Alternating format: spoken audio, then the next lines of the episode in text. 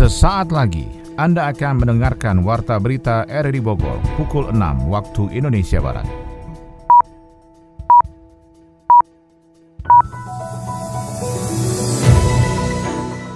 Kembali kami menyapa Anda dalam Warta Berita edisi hari ini. Selamat pagi untuk edisi Rabu 4 Agustus 2021. Siaran ini bisa Anda dengarkan lewat aplikasi RRI Play pada perangkat smartphone Anda dan bisa Anda dengarkan juga di Radio Tegar Beriman Kabupaten Bogor. Berita utama hari ini adalah pemerintah Kota Bogor mempercepat pemberian vaksinasi bagi kelompok anak dan remaja. Kondisi hasil penelitian yang berubah, maka akan terjadi penambahan jumlah mereka yang divaksin, termasuk adalah pelajar. Nah, Akses jalan warga yang menghubungkan dua kecamatan Rumpin dan Parung Panjang terputus akibat longsor. Timpa hujan dua hari itu dua hari dua malam kan besar jadi tanah itu nyerap air nyerap ke bawah tanah ya otomatis warga tempat longsor ke arah jurang perusahaan itu. Pembunuhan penjaga warung nasi di Cilandek, Bogor Barat, Kota Bogor dilatar belakangi motif cemburu. barang bukti sebilah kayu yang digunakan untuk memukul korban. Jadi sesuai dengan hasil otopsi memang korban bagian kepala belakang itu adalah bekas benda tumpul. Saya Molani Starto, inilah Warta Berita selengkapnya.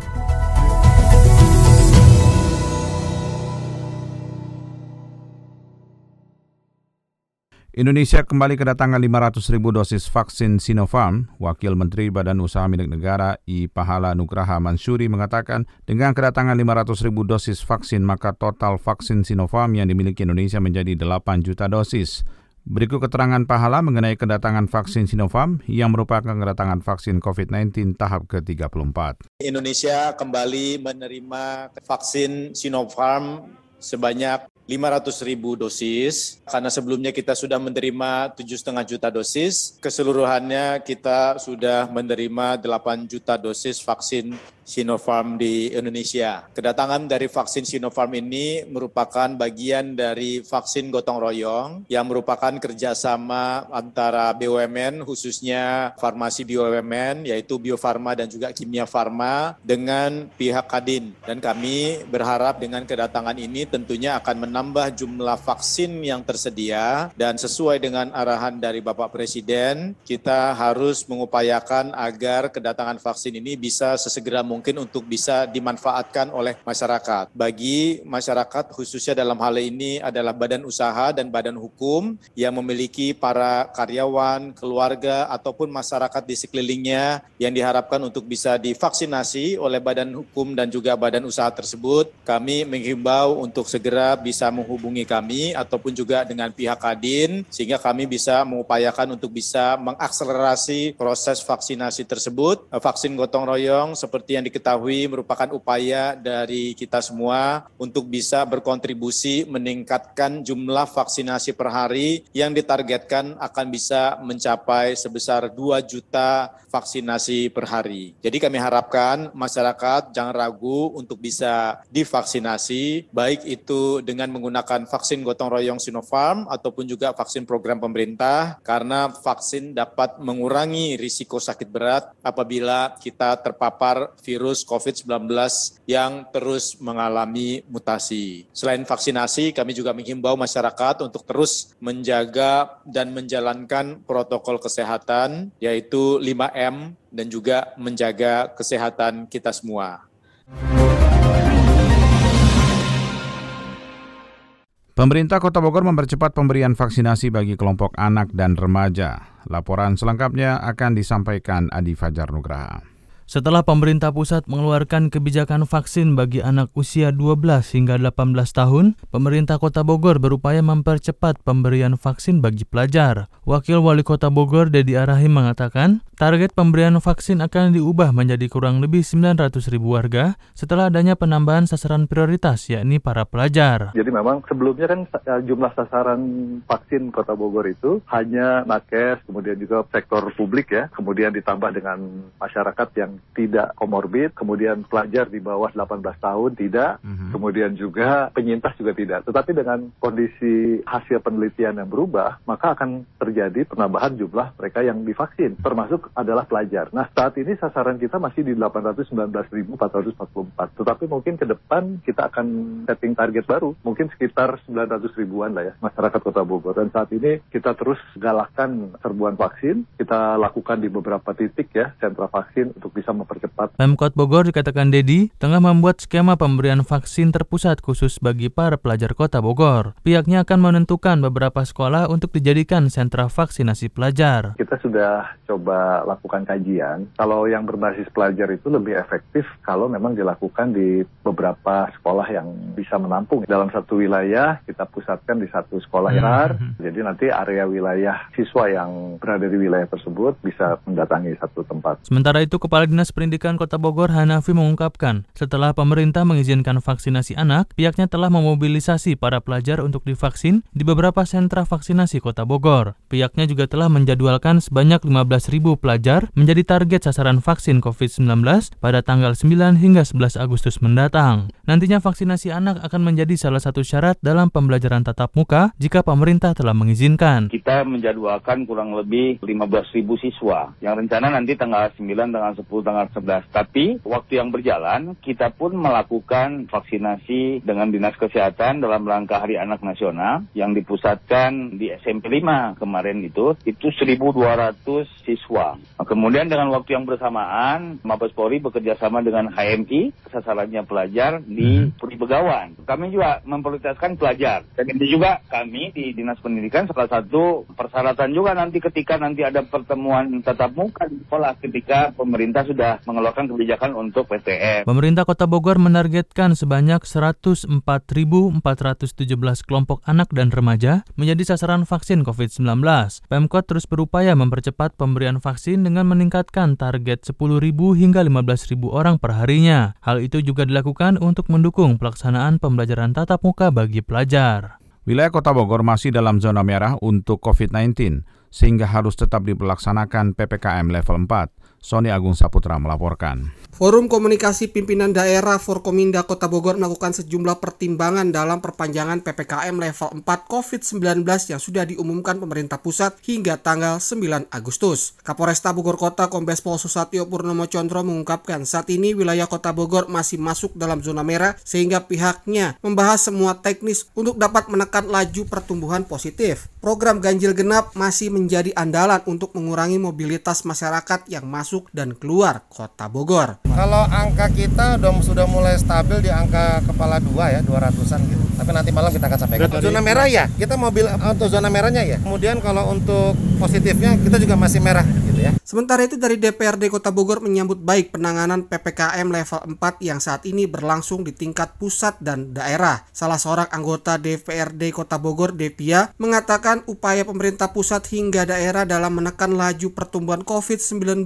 harus mendapat dukungan dari seluruh seluruh lapisan masyarakat. Memang ini satu dilema dengan adanya PPKM yang diperpanjang, tapi ini sudah dipertimbangkan matang-matang oleh pemerintah pusat. Kalau kita mau meri sebentar, ada pepatah bersakit-sakit dulu bersenang kemudian. Kita meri sebentar supaya penyebaran ini putus, supaya kita bisa beraktivitas kembali normal lagi seperti sedia kala, supaya herd immunity tercapai. Kita bangsa yang kuat kok, kita bukan bangsa yang cengeng. Dan kesejahteraan. Dan pemerintah pusat, Pak Presiden tadi malam juga sudah bilang bahwa dari PPKM ini tetap bansos akan diberikan. Artinya kan juga ada pengecualian PPKM level 4 bukan berarti semua nggak bisa ada pengecualian di mana sekarang restoran, kafe sudah boleh buka sampai jam 9 malam bukan berarti tidak boleh kan artinya ini sudah ada kelonggaran tinggal dijalankan prokesnya saya menyikapi ini dengan bijak. Satu sisi mungkin uh, ekonomi pasti merosot baik di level bawah, level tengah maupun level atas. Itu pasti merasakan. Tapi kita harapannya setelah ini PPKM ada efek baik, ada hasil yang signifikan, artinya kita bisa kembali beraktivitas. Maka tidak perlu lagi ada PPKM level 1, level 2, level 4 sekalipun. Devia menambahkan, program vaksinasi juga harus terus dioptimalkan dengan menjangkau seluruh lapisan masyarakat guna menekan angka paparan COVID-19. Satgas COVID-19 Kota Bogor mengkaji kembali pemberlakuan penyekatan dan ganjil genap kendaraan bermotor pada masa perpanjangan PPKM level 4. Adi Fajar Nugraha melaporkan.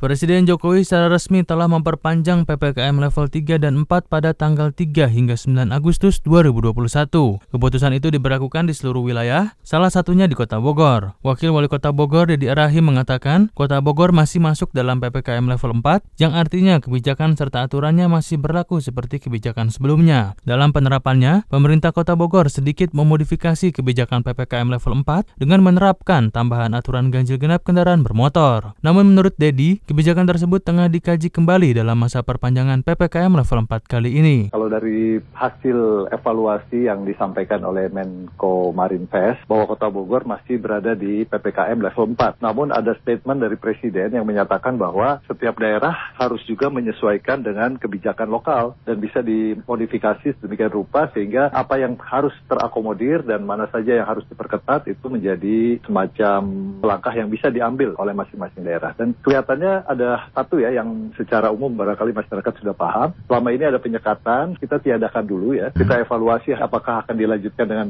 penyekatan atau dengan genap ganjil dan sebagainya. Dengan sejumlah aturan yang diterapkan selama PPKM darurat hingga level 4 kali ini, Dedi Rahim mengungkapkan tren kasus COVID-19 di Kota Bogor mulai mengalami perbaikan kondisi. Kalau dari sisi data, Kota Bogor sebetulnya sudah agak melandai, sama dari sisi fatality rate kita. Jadi puncak tertinggi terjadi di antara tanggal tanggal 18 sampai 20 Juli kemarin di mana tingkat kematian warga isoman maupun warga yang berada di rumah sakit sangat tinggi tetapi belakangan satu minggu terakhir ini kelihatannya sudah mulai melandai. Pemerintah menilai PPKM level 4 yang diterapkan pada 26 Juli hingga 2 Agustus sebelumnya telah membawa perbaikan di skala nasional dibanding sebelumnya. Perbaikan itu di antaranya terkait menurunnya angka kasus terkonfirmasi harian, tingkat kasus aktif, tingkat kesembuhan, hingga persentase keterisian tempat tidur perawatan pasien COVID-19.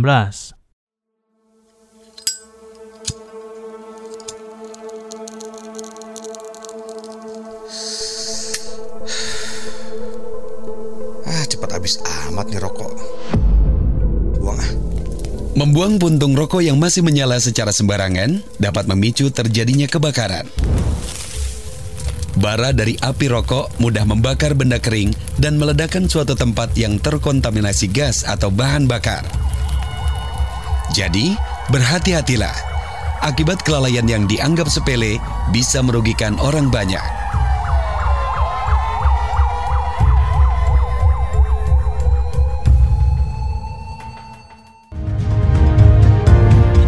Anda masih mendengarkan Warta Berita dari Bogor. Pembunuhan penjaga warung nasi di kawasan Cilendek, Bogor Barat, Kota Bogor dilatar belakangi motif cemburu. Kita ikuti laporan Sony Agung Saputra. Pelaku pembunuhan berlatar belakang cemburu di kawasan Cilendek, Bogor Barat, Kota Bogor ditangkap polisi. Pelaku E yang melakukan pembunuhan terhadap pacarnya NA dan menganiaya anak korban hingga mengalami luka berat ditangkap di pelariannya di kawasan Sukabumi. Kapolresta Bogor Kota Kombes Pol Susatyo Purnomo Condro mengungkapkan pelaku tega melakukan aksi jahatnya karena melihat sang pacar yang merupakan penjaga warung nasi di kawasan Jalan Abdullah Binu terindikasi mempunyai pria idaman lain. Pelaku menghabisi korban dan menganiaya anak korban dengan menggunakan kayu balok. Kami telah berhasil mengungkap kasus pembunuhan berencana dan atau pencurian dengan kekerasan atas nama korban Nur Alia 47 tahun yang meninggal dunia. Kemudian putrinya atas nama Disa Fitriani umur 21 tahun di TKP ini di warung nasi milik korban dan tersangka atas nama Saiful alias Epul umur 57 tahun ditangkap di Kabupaten Sukabumi. Setelah kita melakukan pengejaran dan penangkapan. Dan barang bukti yang kami sita adalah dua buah handphone milik korban yaitu milik korban ibu dan milik korban anaknya termasuk juga barang bukti sebilah kayu yang digunakan untuk memukul korban jadi sesuai dengan hasil otopsi memang korban bagian kepala belakang itu adalah bekas benda tumpul. Pelaku diketahui sempat menyamarkan kejadian dengan mengambil sejumlah barang milik korban seperti telepon genggam sehingga terkesan merupakan pencurian. Sementara itu Kasat Reskrim Polresta Bogor Kota Kompol Doni Erwanto menegaskan pelaku terindikasi melakukan pembunuhan berencana sehingga pihaknya mengenakan pasal berlapis termasuk pasal 340 KUHP tentang pembunuhan berencana dengan ancaman hukuman maksimal mati. Tersangka melalui dari anaknya karena anaknya sudah mengenal dan juga anaknya alhamdulillah saat ini selamat sehingga memberikan informasi kepada kami sebenarnya siapa sih pelakunya. Kalau hasil proses penyidikan kami, anaknya ini sempat tidak sadarkan diri karena juga dipukul. Karena informasi yang disampaikan kepada kami, tersangka ini merasa pada saat melakukan penghantaman kepada korban, anaknya ini berteriak-teriak. Akhirnya anaknya juga diikut dipukul oleh tersangka. Ya, niatnya untuk mencelakai korban, tetapi karena anaknya berteriak, akhirnya anaknya juga ikut di. Oh, gitu. Sebenarnya antara pelaku dengan korban ini ada hubungan, tetapi karena korban ini menjalin hubungan dengan orang lain, ya kami jerat dengan pasal 340 pembunuhan berencana karena dia sudah melakukan perencanaan ini sejak awal Idul Adha. Hingga saat ini pelaku masih menjalani pemeriksaan di Satuan Reserse Kriminal Satreskrim Polresta Bogor Kota untuk mempertanggungjawabkan perbuatannya. Aksi anarkis perusakan rumah oleh nasabah yang mengaku korban investasi ilegal di Desa Kiarasari, Kecamatan Sukajaya, Kabupaten Bogor, dilaporkan kepada pihak kepolisian. Yofri Haryadi melaporkan.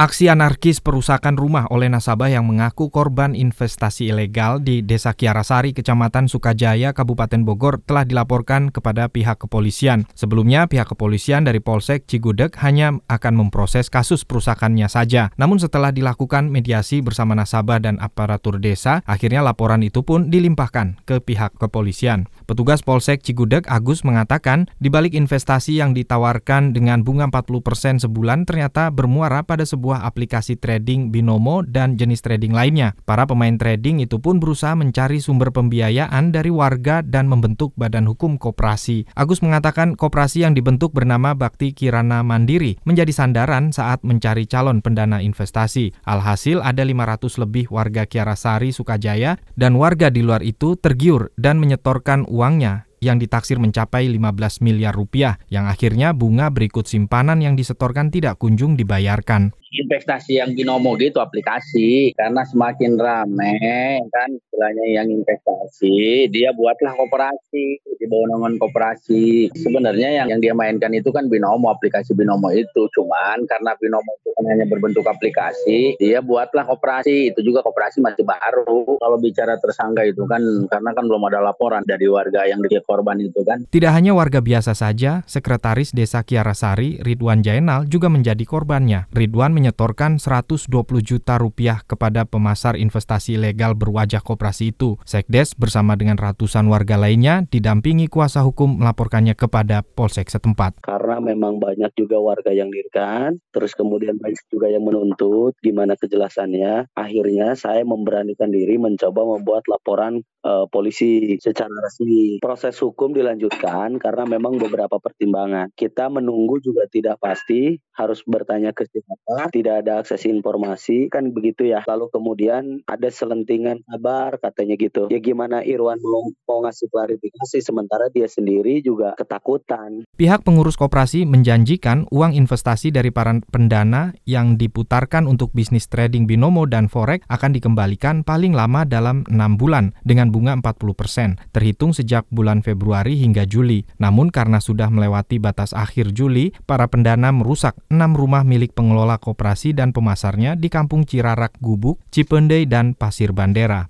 Akses jalan warga yang menghubungkan dua kecamatan Rumpin dan Parung Panjang di Kampung Ciater, Desa Cipinang, Rumpin, Bogor terputus akibat longsor dan labilnya kontur lahan akibat eksplorasi galian tambang tipe C di kawasan itu.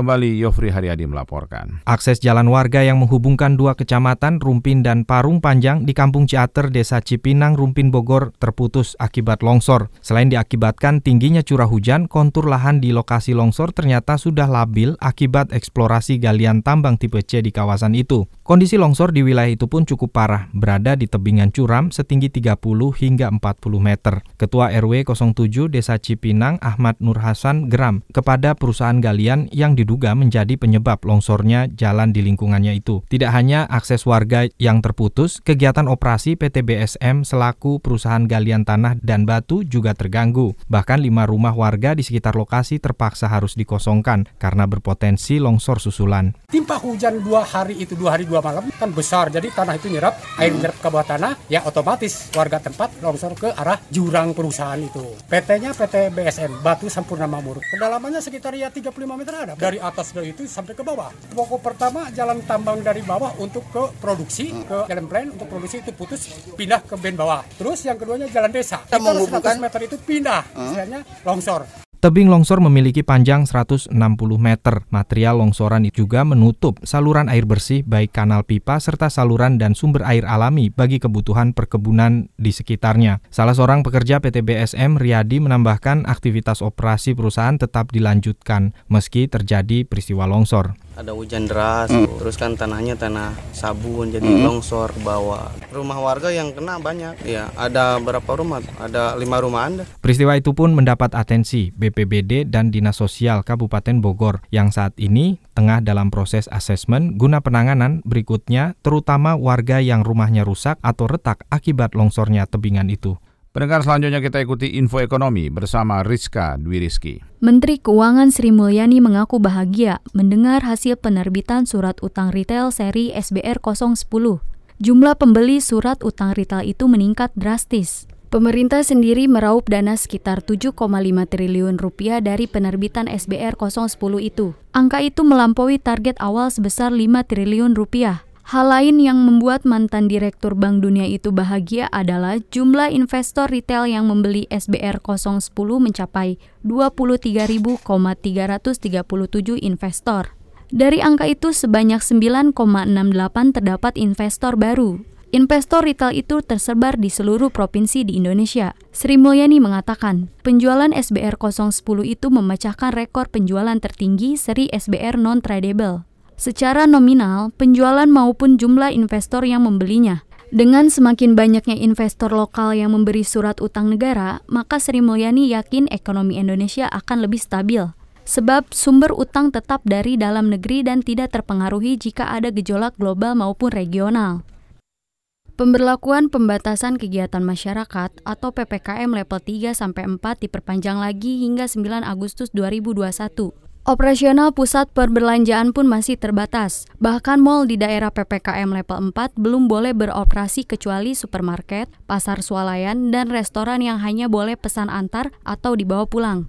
Ketua Asosiasi Pengelolaan Pusat Belanja Indonesia atau APPBI Alfonsus Wijaja mengatakan, diperpanjangnya PPKM ini semakin mencekik sektor usaha pusat perbelanjaan. Ancaman pemutusan hubungan kerja atau PHK pun kian nyata. Tak hanya itu, para penyewa toko di mal bahkan bisa tutup permanen alias bangkrut. Menurutnya, berbagai pembatasan yang diberlakukan dalam PPKM berdasarkan level masih belum efektif untuk membawa banyak wilayah keluar dari PPKM level 4. PHK besar-besaran dan bangkrutnya penyewa toko di mal pun bisa terjadi akibat pemberlakuan pembatasan kegiatan yang berkepanjangan atau PPKM level 4.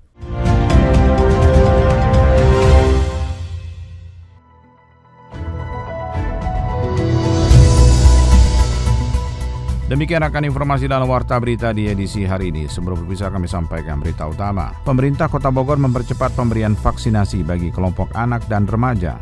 Akses jalan warga yang menghubungkan dua kecamatan Rumpin dan Parung Panjang terputus akibat longsor. Pembunuhan penjaga warung nasi di Cilendek, Bogor Barat, Kota Bogor dilatar belakangi motif cemburu. Saya Maulana Isnarto mewakili kerabat kerja bertugas mengucapkan terima kasih atas perhatian Anda. Selamat pagi, sampai jumpa.